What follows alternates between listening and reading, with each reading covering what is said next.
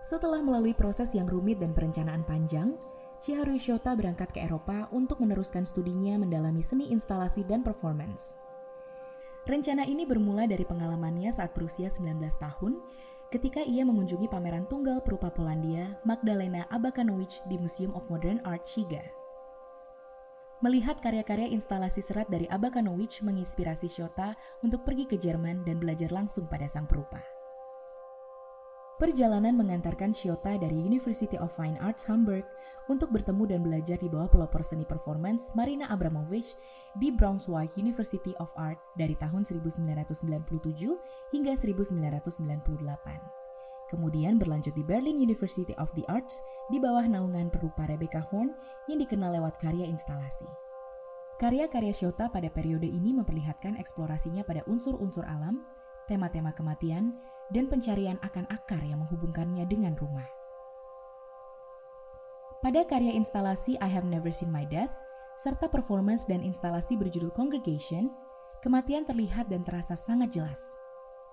Pada kedua karya, tulang-tulang rahang sapi dikumpulkan dan disusun melingkar, seolah mencari kehidupan. Judul I Have Never Seen My Death sengaja dipilih untuk merespon tulisan pada nisan perupa Marcel Duchamp. Selain itu, selalu orang lain yang mati.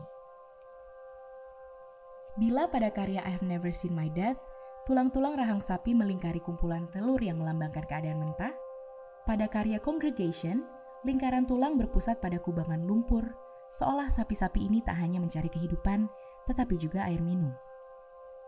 Pada karya ini, Shota mengadakan sebuah performance di tengah kubangan itu, di mana ia nampak seperti mencari kehidupan sembari dikelilingi air berlumpur aksi yang menyerupai gerakan untuk berpulang ke bumi. Pemikiran tentang kepulangan ke bumi juga muncul dalam karya performance Untitled yang dilakukan di Islandia pada tahun 2001. Dalam karya ini, Shota membungkus dirinya dengan benang merah di tengah-tengah padang rumput, menciptakan sensasi seolah alam dan diri manusia melebur menjadi satu. Setelah melakukan performance ini, Siota kembali ke hiruk-pikuk kehidupan perkotaan di Berlin yang membuatnya kembali mempertanyakan, untuk apa sebenarnya manusia itu hidup dan ke mana kita akan pulang? Perasaan gamang mengenai kehidupan sebelumnya telah muncul pada karya Try and Go Home, sebuah performance yang mengungkapkan dilema yang dirasakan Shiota saat berada di Jerman. Ia memikirkan Jepang, kampung halamannya yang kini berada begitu jauh dan apakah ia masih bisa diterima di sana. Dibuat semasa loka karya yang dipandu oleh Marina Abramovich pada tahun 1997, karya ini meliputi aksi memanjat gua yang diukir membentuk lereng miring. Ia jatuh dan kemudian memanjat lagi, seolah menjadi cerminan dari pikiran Shota tentang keberadaannya yang penuh ketidakpastian. Performance ini memiliki resonansi dengan karya video yang ia buat dua tahun kemudian, tahun 1999, berjudul Bathroom di mana ia berendam di dalam bak mandi berisi lumpur, lalu menyiramkan lumpur itu di atas kepalanya. Karya ini mengungkapkan ingatan Shota tentang kulit sebagai simbol identitas yang tidak dapat sepenuhnya terhapus, bahkan setelah dicuci.